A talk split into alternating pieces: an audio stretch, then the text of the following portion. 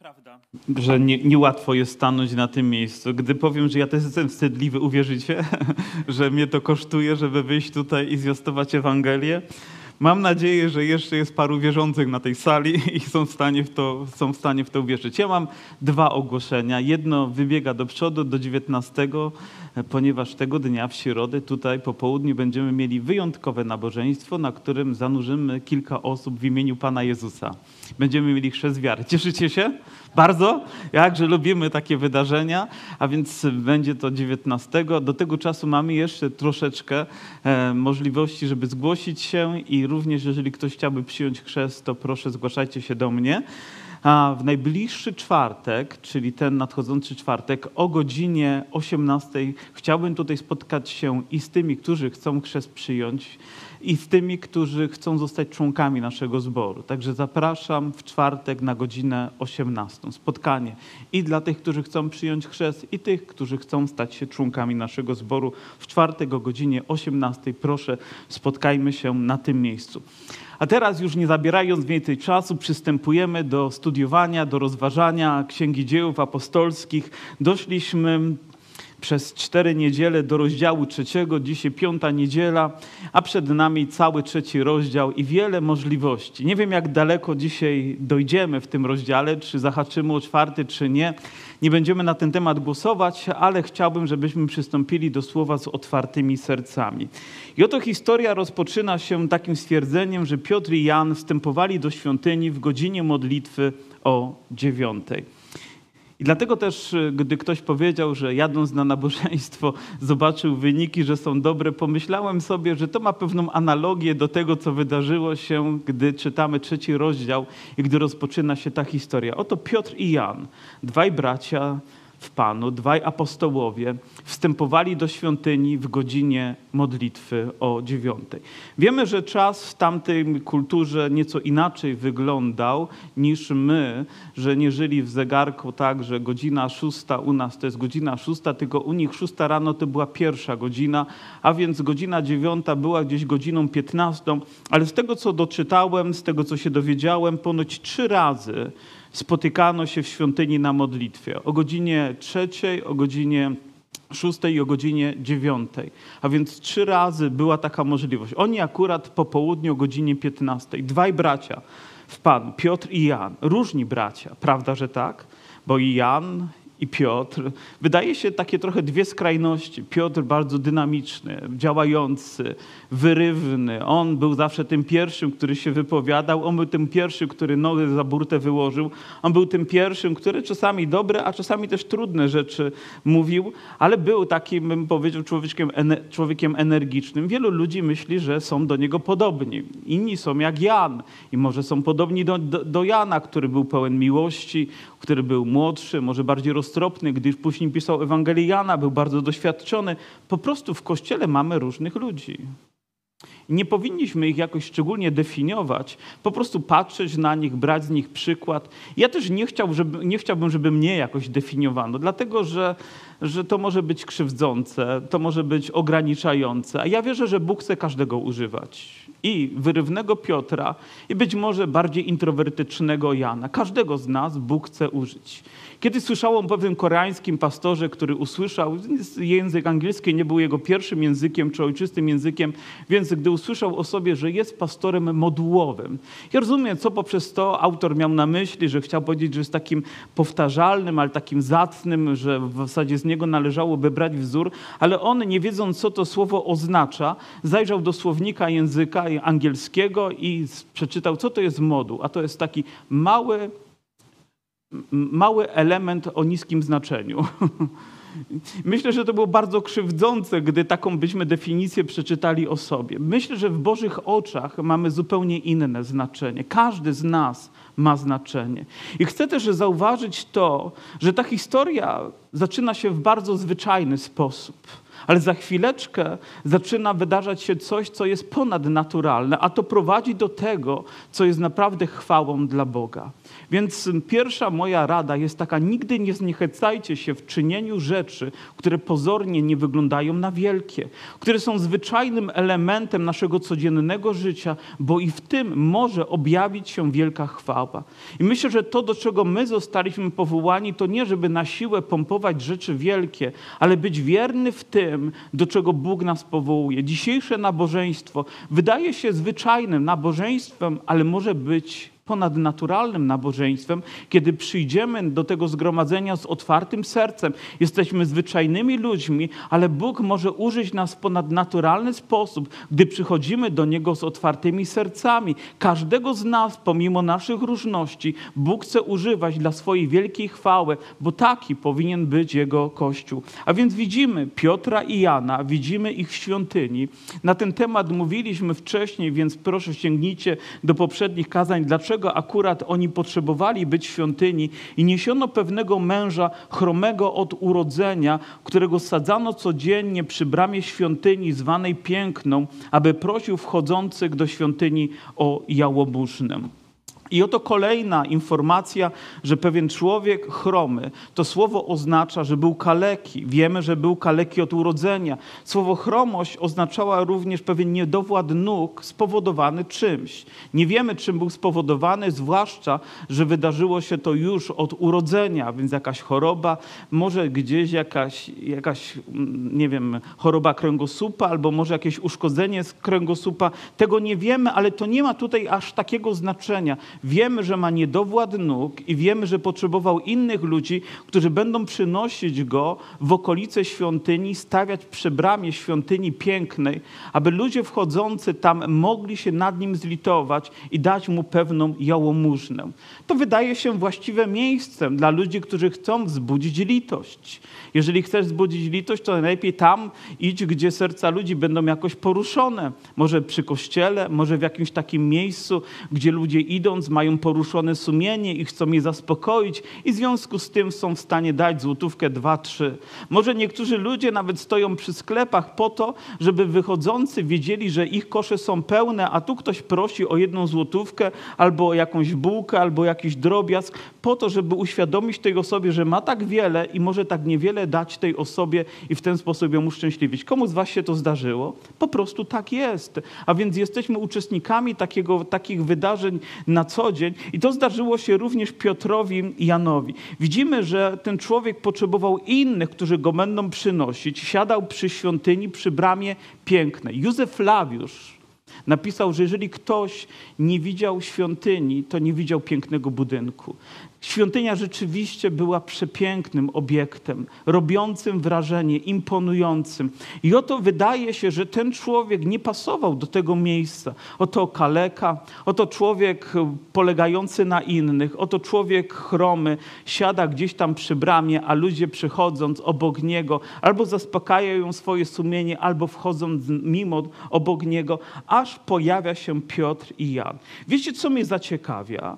Wiele razy, gdy dochodzę do tego fragmentu, zastanawiam się, a co było wcześniej? Przecież nie oni pierwsi wchodzą tutaj do świątyni. Pan Jezus wchodził do świątyni. Czy mijały się ich drogi, czy był o niewłaściwych porach, tego nie wiemy, nie mamy odpowiedzi. Czy wcześniej apostołowie nie mijali go, czy nie wchodzili tą samą bramą, może inną wchodzili, tego też nie wiemy, ale akurat tego dnia i w tej sytuacji ich drogi tutaj przecinają się i wierzę, że w tym jest Boży plan i kierownictwo. Nawet jeżeli wcześniej on tego nie doświadczył, to tego dnia otwierają się dla niego pewne niezwykłe możliwości Zwyczajny dzień, zwyczajna modlitwa, ale zaczyna się coś dziać ponadnaturalnego. Oto jest nadzieja dla każdego z nas. Modlimy się o coś. Być może jakaś rzecz, jakaś dolegliwość, jakaś usterka naszego życia towarzyszy nam przez wiele dni, tygodni, miesięcy, a może nawet lat. Może coś, z czym urodziliśmy się i wszyscy już i my nawet sami powiedzieliśmy, ale tak musi być. Albo ja już taki jestem i tak już to musi pozostać. To chciałbym, żebyśmy poczytali tę historię dalej, ponieważ dziękuję Bogu za to, że ten człowiek nie musiał takim pozostać. Dziękuję Bogu za to, że ani ja, ani ty nie musimy takimi samymi pozostać, dopóki jest czas łaski, dopóki mamy modlitwę, dopóki wiemy, że Boże dzieła są wykonane, to i ta sytuacja może, a nawet powinna ulec zmianie dla chwały naszego, naszego Boga. Ten ujrzawszy Piotra i Jana, gdy mieli wejść do świątyni, prosił o jałmużnę. Nie wiemy w jaki sposób, czy gestem wyciągnięcia ręki, czy też coś po prostu mamrotał pod nosem, mówiąc, że prosi o wsparcie, ale widzimy jaka była reakcja Piotra, a Piotr wraz z Janem, wpatrzywszy się uważnie w niego, rzekł, a Piotr wraz z Janem, wpatrzywszy się uważnie w niego, rzekł, spójrz na nas. Oczywiście jestem pewien, że to Piotr mówił i nawet z kontekstu to wynika. Spójrz na nas. Oni jedni zatrzymali się przy nim i nie tylko nie rzucili od razu coś na jego tacę, ale powiedzieli: Spójrz na nas, popatrz na nas. Wiecie, że każdy z nas ma potrzebę, żeby ktoś go zauważył? Żeby nie mijał go, nie traktował jak przeszkodę, ale potraktował jak człowieka. I myślę, że w kościele jest właśnie przestrzeń na to, żeby każdy został zauważony. I z przykrością muszę stwierdzić, że wielu ludzi wchodzi i wychodzi, i nawet nikt do nich nie podejdzie, nie zauważy, nie zainteresuje się, i być może kogoś z Was również to spotkało. Myślę, że mnie mogło to spotkać i wielu innych ludzi. Ja też byłem w wielu innych społecznościach, wszedłem, wyszedłem, po prostu niezauważony.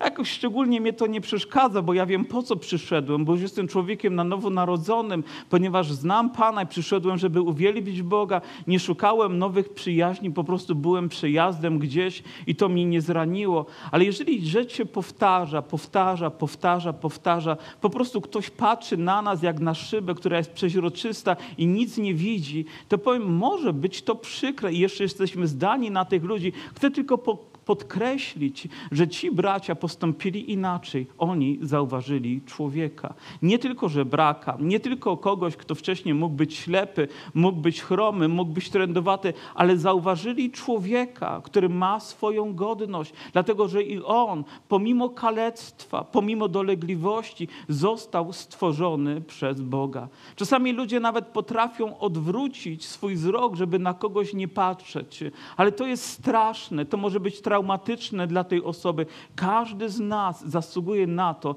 żeby zostać zauważony, bo Bóg tego również oczekuje. A więc ty dzisiaj na tym miejscu nie jesteś przypadkowy i dla Boga jesteś ważny. I nie tylko Bóg chce, żebyśmy my na siebie spojrzeli, ale On sam poprzez nas chce na ciebie spojrzeć i powiedzieć ci, jak dla nie, jakie masz dla Niego znaczenie. On zaś spojrzał na nich uważnie, spodziewając się, że od nich coś otrzyma. I wydaje się, że akcja jeszcze nie rozwija się zbyt dynamicznie, ponieważ on spogląda w nadziei, mówi, o, ryba wzięła, nareszcie coś dostanę, no, jak, jakiś może większy y, kawałek monety spadnie tutaj na moją tacę, ale nie, w tym momencie tego nie otrzymuje, bo czytamy dalej i rzekł Piotr, srebra i złota nie mam, lecz co mam, to ci daję. W imieniu Jezusa Chrystusa Nazareńskiego chodź. Pozwólcie, że na tym fragmencie zaczynam się, zatrzymam się chwilę, ponieważ Piotr mówi coś, co wydaje się takie trudne do zrozumienia, zwłaszcza, że wcześniej ludzie, którzy przychodzili do kościoła, tak to możemy nazwać, i którzy sprzedawali swoje majątki i składali u stóp apostołów pieniądze, całe pieniądze za to wszystko, co uzyskali ze sprzedaży, to wydaje się, że i Piotr, i Jan, i inni apostołowie powinni być zamożnymi ludźmi, prawda? No nie wiem, ile jest warte wasze mieszkanie, ale być może kogoś 300 tysięcy, 200 tysięcy. Nie wiem, ile jest wart twój dom, pół miliona. Nie wiem, ile jest warta twoja działka. Nie wiem, ile jest wart twój samochód. Nie wiem, ale to mogą być, mogły być duże pieniądze. A Piotr mówi, ale srebra i złota nie mam. A więc wygląda na to, że oni mieli pewną mądrość w kościele, w zborze do gospodarowania środkami. To nie chodziło o to, że ich kieszenie były wypchane albo robili na tym dobry interes, ale oni mądrze zarządzali zasobami, które zostały im powierzone. Nie chodziło o to, że oni mieli w tym jakiś interes. I dzisiaj, jeżeli Kościół nadużywa tego, że zbiera kolekty po to tylko, żeby ktoś na tym mógł się wzbogacić, to jest niewłaściwe dysponowanie środkami. Oczywiście używać, pewnie żyć, funkcjonować, to jest normalna rzecz, ale nie powinno być tak, że przybywa nam srebra albo złota. To są środki po to, abyśmy używali je dla Bożej chwały, abyśmy mieli mądrość jako Kościół zarządzania z nimi tak, aby nie były problemem na zebraniu członkowskim, aby z tego powodu Kościół się nie rozpadał, ale po to, żeby Bóg miał chwałę. Amen? A więc musimy nawet mieć pewne instrumenty do zarządzania środkami, tak aby one we właściwy sposób zostały ulokowane tam, gdzie jest ich przeznaczenie dla chwały Boga. Mówię to z pewną odpowiedzialnością i świadomością, jak ważną rzeczą w Kościele jest zarządzanie, pieniędz, zarządzanie pieniędzmi. Piotr i Jan powiedzieli: Srebra i złota nie mamy. To co mają? Dobrze, gdyby ciebie pozbawić wszystkich Twoich zasobów, pozbawić Cię tytułów, które masz, to powiedz mi, kim jesteś? Nie możesz powiedzieć, jestem bogatym człowiekiem, jestem zamożnym człowiekiem. Nie możesz powołać się na swoje tytuły, które masz, to kim jesteś? Jeżeli nie zostaje ci nic, to jesteś najbiedniejszym człowiekiem, jakiego znam. Jesteś człowiekiem w ogromnej potrzebie ponieważ nie definiuje cię stan Twojego konta, ani może litery przed Twoim nazwiskiem, ale to kim naprawdę jesteś. I Piotr i Jan mogli, myślę, że z dumą powiedzieć: Srebra i złota nie mamy, ale mamy coś, co możemy Ci zaoferować. I myślę, że świat o wiele więcej potrzebuje niż chwilowego wsparcia, które za chwilę też wyparuje albo gdzieś rozmyje się w potrzebach. Potrzebuje czegoś, co zmieni jego życie co zmieni jego serce, co zmieni jego ciało, może nawet zdolność funkcjonowania i zarządzania swoim życiem. Bóg chce fundamentalnie zmienić nas, tak jak tylko On może to zrobić. I to jest największa wartość, jaką my możemy mieć. Naszą wartością nie jest to, że mamy kaplicę, że mamy przestrzeń do spotykania się, że mamy sprzęt, który możemy używać, ale mamy Jezusa, mamy Ewangelię, mamy dobrą nowinę, mamy Ducha Świętego i nawet gdyby nas tego pozbawiono, to ja wierzę, że Kościół dalej będzie funkcjonować. A jeżeli nie, to jesteśmy biednym kościołem. Trzeba użalać się nad nami, trzeba litować się nad nami, bo naszą wartością jest to, co jest w naszych sercach, to, czego nikt nam nie zabierze, to, co nie zostanie zdewaluowane, to, co nie zostanie zniszczone przez czas. To jest tym, co powinno przyświecać również naszym wartościom rodzinnym, osobistym, to jest to, czym naprawdę możemy się podzielić z innymi ludźmi. Kiedyś słyszałem pewnego pastora, który opowiadał i, i, i szczery był w tym. Um, o ile pamiętam, był to Jim Cymbala i o ile wiem, nawet chyba był na spotkaniu z pastorem Dawidem Wilkersonem, razem rozmawiali, dwaj zacni ludzie w zborze, w społeczności i oto wszedł człowiek. I widać było wymalowane od stóp do głów, że jest w potrzebie. Oto jedna z osób gdzieś tam z ulicy weszła do środka, ponieważ była w potrzebie.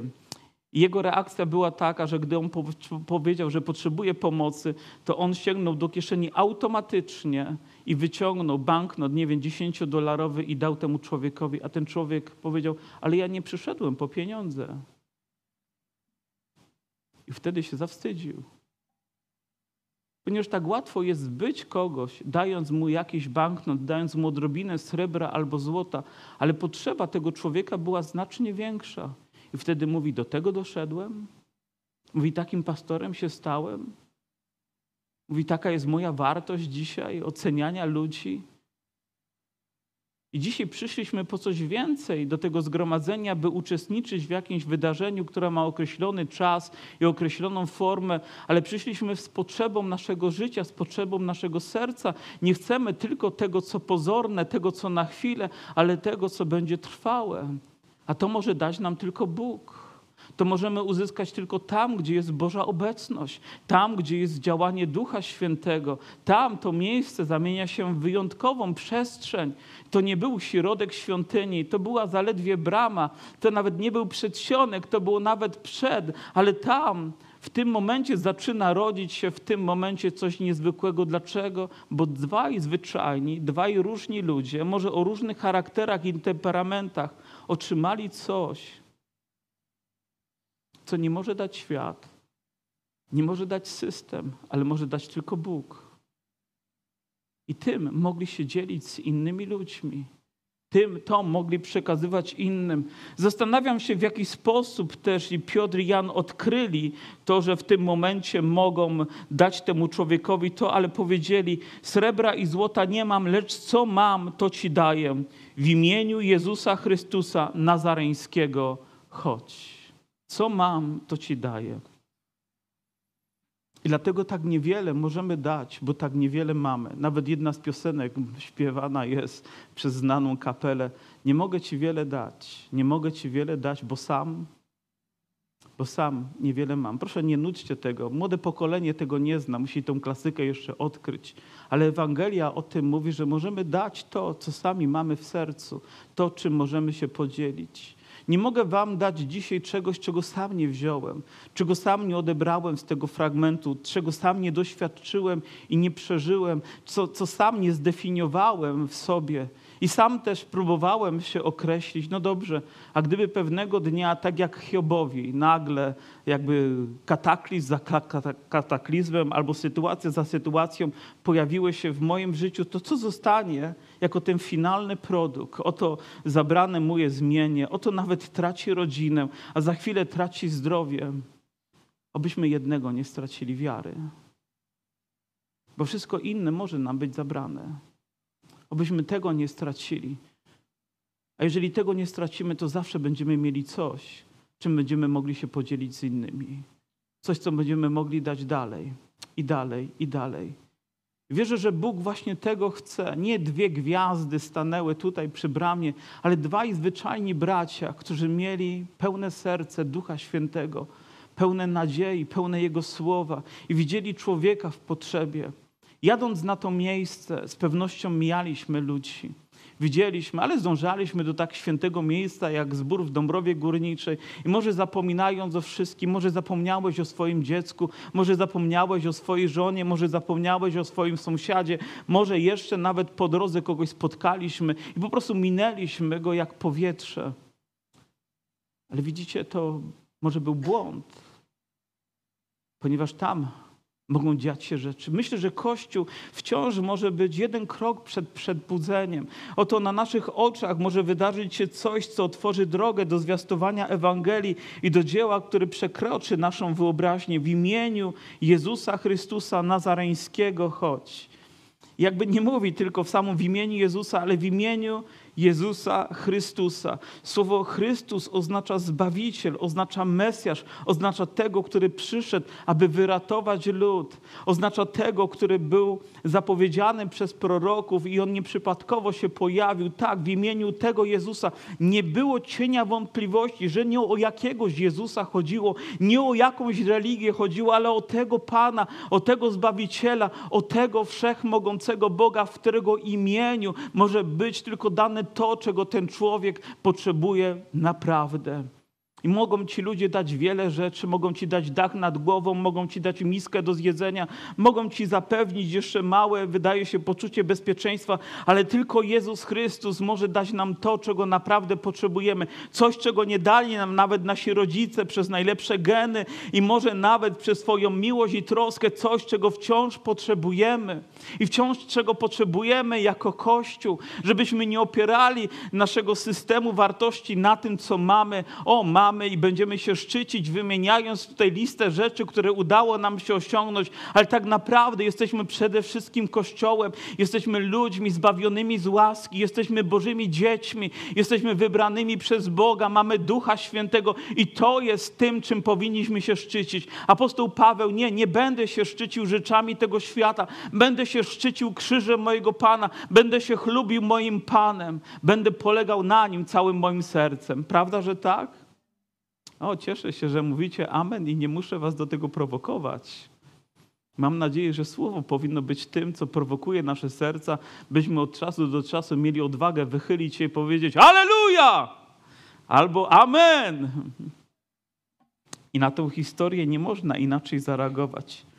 I ująwszy go za prawą rękę, podniósł. Najpierw wypowiedział modlitwę. Proszę, zwróćcie uwagę na to, że to była bardzo krótka modlitwa. Nie mówił 15 minut, kilka słów. Nie wiem, ile zajmuje przeczytanie. Można by stoper uruchomić i to jest szybsze niż bieg na 100 metrów. A tak wiele rzeczy może się wydarzyć w imieniu Jezusa. Moje siostry, moi bracia, wszystko, cokolwiek czynimy, mamy czynić w imieniu Jezusa. Bo nawet nie wiemy, jak ta rzecz może posłużyć wielkiej chwale.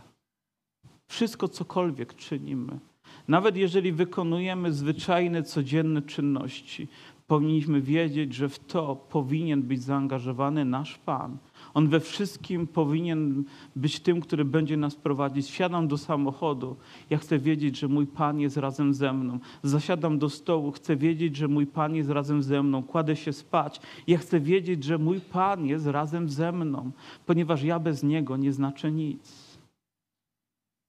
Ja bez Niego jestem biednym człowiekiem.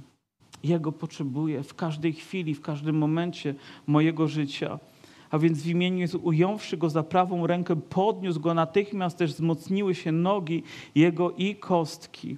Oto znowu wykonują uczniowie pewien gest, chwytają tego człowieka i tu jest to określenie za prawą rękę. Ktoś zadał sobie pytanie, dlaczego nie za lewą? Ktoś z was pomyślał, dlaczego nie na lewą? Ja wam dam, dam biblijną odpowiedź. Bo ujął za prawą. Wiecie, ta sytuacja tylko podkreśla mi realność. Nie wiem, czy powinniśmy tutaj wczytywać coś, czego nie ma w tekście. Po prostu ujął tego człowieka za prawą rękę.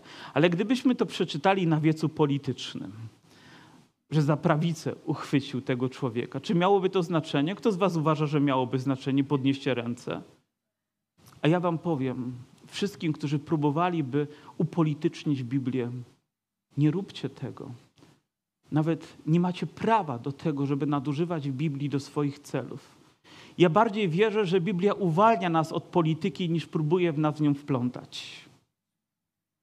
Bo jeżeli coś nam objawia, jest to po prostu Boża prawda, której my powinniśmy się trzymać, którą nie powinniśmy nadinterpretowywać. Po prostu jest to czysty fakt, że ujął go za prawą rękę, może prawa ręka jest silniejsza od lewej, bo nie było odwrotnie akurat i dlatego potrzebował, ale potrzebował kogoś, kto również pomoże mu powstać. On się o niego pomodlił, ale nie zostawił go.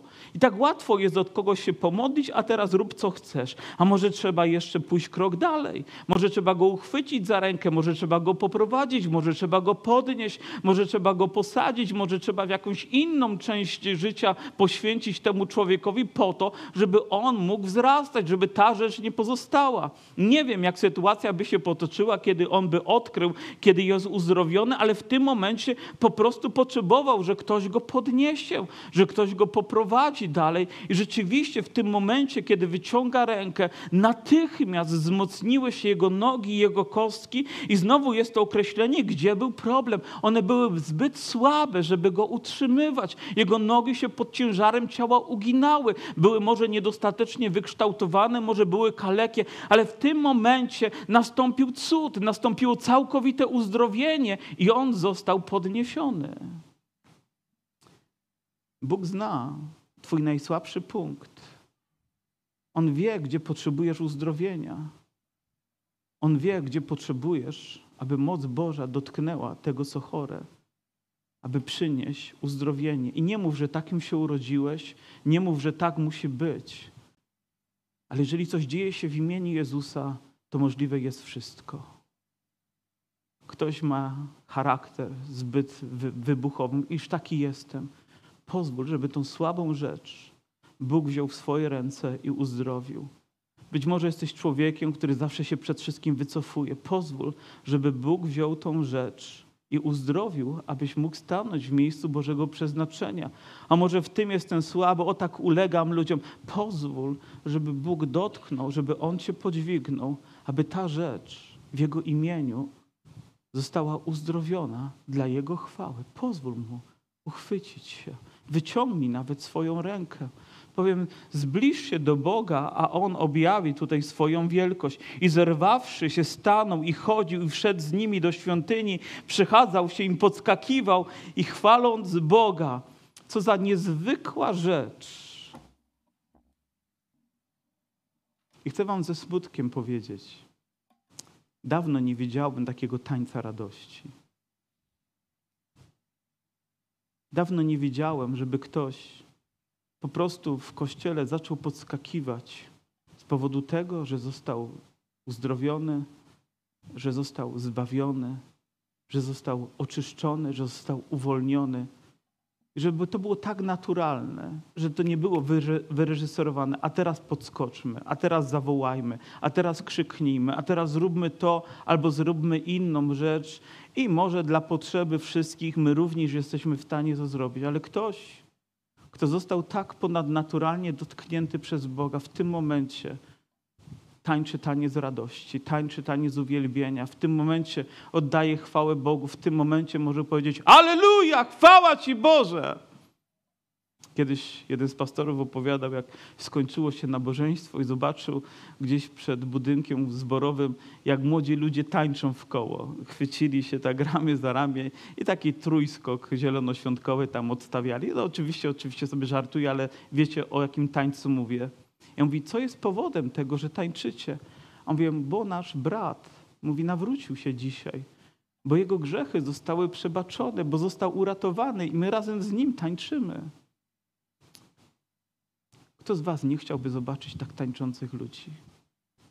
Z powodu tego, czego dokonuje Jezus w ich życiu. Ale prawdę powiedziawszy, każdy z nas doświadczył łaski Boga. Każdy z nas doświadczył mocy Boga. Proszę podnoście ręce wszyscy, którzy tego doświadczyliście. Uratowania, zbawienia, dotknięcia Bożego, przebaczenia grzechów, może uwolnienia, uzdrowienia, a nie zatańczyliśmy. Może jest czas na to, żeby zatańczyć dla Boga, żeby podskakiwać radośnie, żeby powiedzieć Boże, chwała Ci. I wiecie, i nigdy nie jest za późno.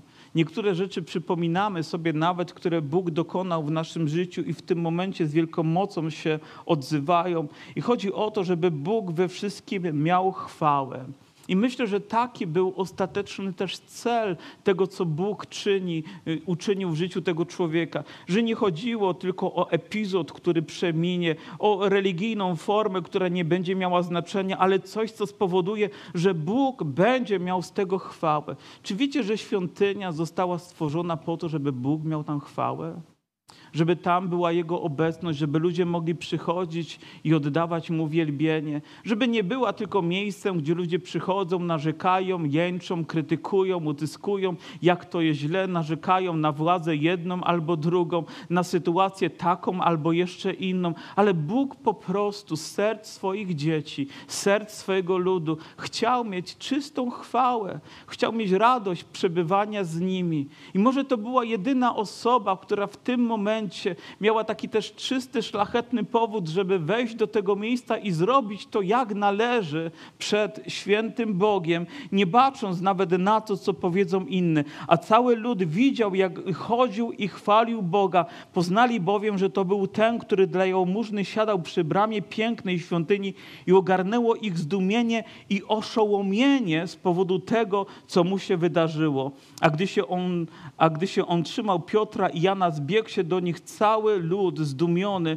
do przysionka zwanego Salomonowym. Oto zdumienie, oto oszołomienie ogarnęło ludzi, którzy patrząc na tego człowieka i widzą ten kontrast pomiędzy tym, kim był, a teraz, co oglądają ich oczy, mogli zobaczyć, jak wielkiego dzieła dokonał Bóg. Nie mogli się nadziwić, jak on przechadzał się, podskakiwał i zaczął chwalić i chwalić i chwalić Boga w nieustanny sposób. Wyobrażam sobie taką osobę na nabożeństwie, w zgromadzeniu takim jak to, która przechadza się i mówi, nie mogę usiąść, nie mogę siedzieć spokojnie, bo to, co dokonał Bóg, jest zbyt wielkie, abym milczał.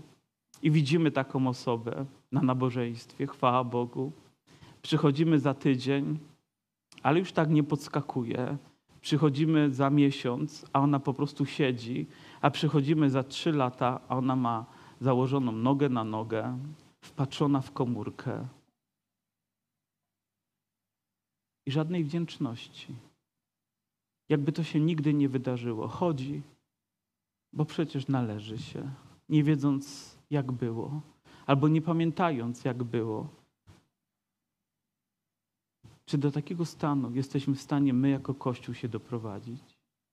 My jako ludzie wierzący, którzy zakosztowaliśmy tak wielkiego daru łaski, że nasze życie tak po prostu stało się zwyczajnie mierne, nie wywołujące szok i zdumienie, z powodu wielkiego dzieła, z powodu tego świadectwa, które Bóg włożył w nasze życie.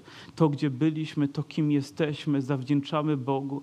Ja wiem, że niektórzy z Was nawet gdzieś po piwnicach spali, a dzisiaj śpicie w wygodnych łóżkach. Może kiedyś byliśmy na rozstaju dróg, wiedząc, czy żyć, czy umrzeć. Nie wiedzieliśmy nawet, jaką decyzję podjąć, żeby było dobrze.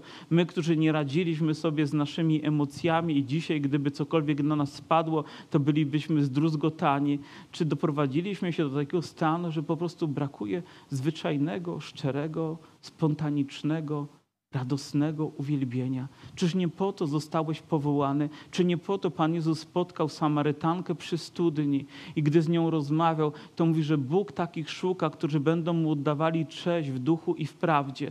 Czy właśnie nie po to ją spotkał, żeby doprowadzić ją do tego miejsca, że ona będzie oddawać chwałę Bogu, że nie chodziło tylko o spotkanie, żeby dać jej kubek wody, a później znowu jeszcze większym pragnieniem przyjdzie do tego samego miejsca, ale żeby pobiegła do miasta z radością, miłością i przyprowadziła całe to miasto do Jezusa. Czy nie o to chodzi, że właśnie w ten sposób Bóg chce mieć chwałę z serc swojego ludu, z serc swojego kościoła, z mojego serca i Twojego serca? Czy dzisiaj stoję, czy tańczę? Jak myślicie?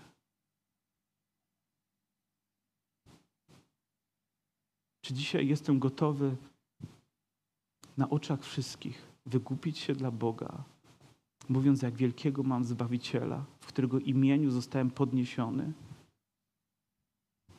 Czy dzisiaj jestem gotowy być narzędziem, które Bóg użyje, tak jak Piotra i Jana, zwyczajnych ludzi, którzy stanęli w tej okoliczności, wypowiedzieli proste słowa modlitwy i zobaczyli wielkie Boże dzieło. Czy dzisiaj mam odwagę zatrzymać się nad czyimś życiem i albo dam mu dwa złote i zaspokoję swoje sumienie, albo dam mu coś więcej, co uratuje jego życie? Przywróci mu godność, spojrzę na niego jak na człowieka i powiem: Widzę cię, mój bracie, widzę Twoją potrzebę. Może siedzisz gdzieś przy bramie pięknej i żebrzesz o jałmużnę, a może czas wejść do świątyni i zacząć wielbić Boga. I imię Jezusa daje nam do tego prawo. On otworzył nam drogę do miejsca najświętszego, nawet nie do jakiegoś przedsionka, nie do holu, ale do miejsca, gdzie możemy spotkać się z żywym, świętym Bogiem, by oddać Mu chwałę za to, że mamy tak wspaniałego Boga. Czy zapomniałeś o tym? Mam nadzieję, że nie. Mam nadzieję, że wciąż pamiętamy, jesteśmy gotowi uczcić za to naszego Boga. I w tym momencie mam dwie możliwości: albo powiedzieć drugie kazanie, albo się zatrzymać. Bo, bo kazanie drugie to Piotr wypowiada. Ale chyba zatrzymamy się i pozwolimy odczekać tydzień, a dzisiaj zatańczymy taniec radości. Dzisiaj Oddamy Bogu chwałę za to, czego dokonał. Dzisiaj powrócimy do naszego domu, może puścimy sobie muzykę uwielbienia i zatańczymy dla Pana. Są chętni? Zapląsamy dla Niego, bo wiemy, Boże, jesteś wielki. Może wychodząc z tego miejsca, nasze nogi będą po prostu nie tylko się włóczyć, nie wybiegniemy dlatego, że już chcemy mieć dość, tylko dlatego, że z radością możemy wychodzić z tego miejsca, wiedząc, jak wielkie rzeczy dokonał Pan.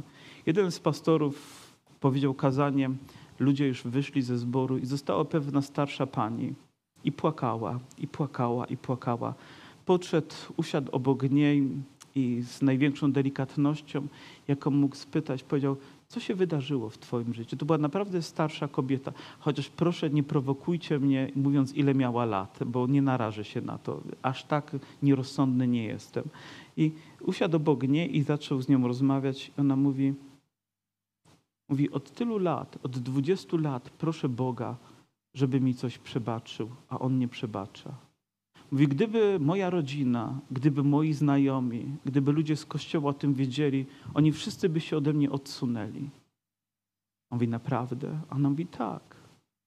Mówi, ale dlaczego żyjesz w nieprzebaczeniu? Czy dlaczego nie przyjmujesz przebaczenia? Czy wyznałaś to Bogu? Ona mówi, tak, wyznałam to 20 lat temu. Czy żałowałaś z tego powodu? Tak, żałowałam, płakałam z tego powodu. Więc mówi, więc czym się to przejmujesz? Ty sama sobie przez 20 lat zgotowałaś taki los. Zamartwiając się czymś, co Jezus już dawno ci przebaczył. Dlaczego? i doprowadził ją do miejsca, w którym że nasze grzechy, gdy wyznajemy, są oddalone od nas, w zasadzie jak wschód od zachodu słońca, gdzieś wrzucone w głębi oceanu, gdzie jest rów, który ma 11 kilometrów i, i niknie tam wszelki ślad. Mówi, po co sobie zgotowałaś ten nos? A więc przez Słowo Boże doprowadził ją do miejsca, w którym uświadomiła sobie, że uzyskała przebaczenie. I wtedy był w szoku, ponieważ ta kobieta wstała i zaczęła tańczyć w kościele. Ta starsza siostra zaczęła poruszać się, uwielbiając Boga za to, że otrzymała 20 lat temu przebaczenie, tylko jeszcze to do niej nie dotarło.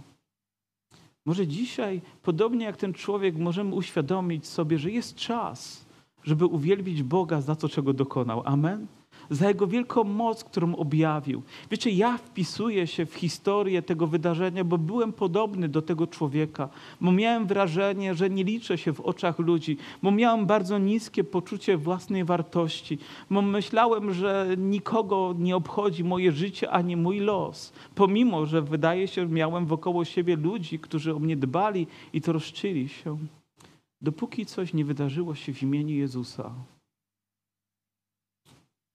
dopóki On nie dotknął i nie wzmocnił tego, co było najsłabsze, nie uzdrowił tego, co było chore, dopóki ktoś nie wyciągnął ręki, aby uchwycić moją prawicę i podnieść mnie, abym mógł zatańczyć, abym mógł uwielbić Boga, bo do tego zostałem przez Niego stworzony i powołany. Więc jest czas aby uwielbić Boga. Jest czas, żeby oddać Mu chwałę. Jest czas, żeby się uśmiechnąć. Jest czas, by wiedzieć, że nasze grzechy zostały nam przebaczone, że jesteśmy wolnymi ludźmi i że Bóg nas kocha. Amen? Powstańmy.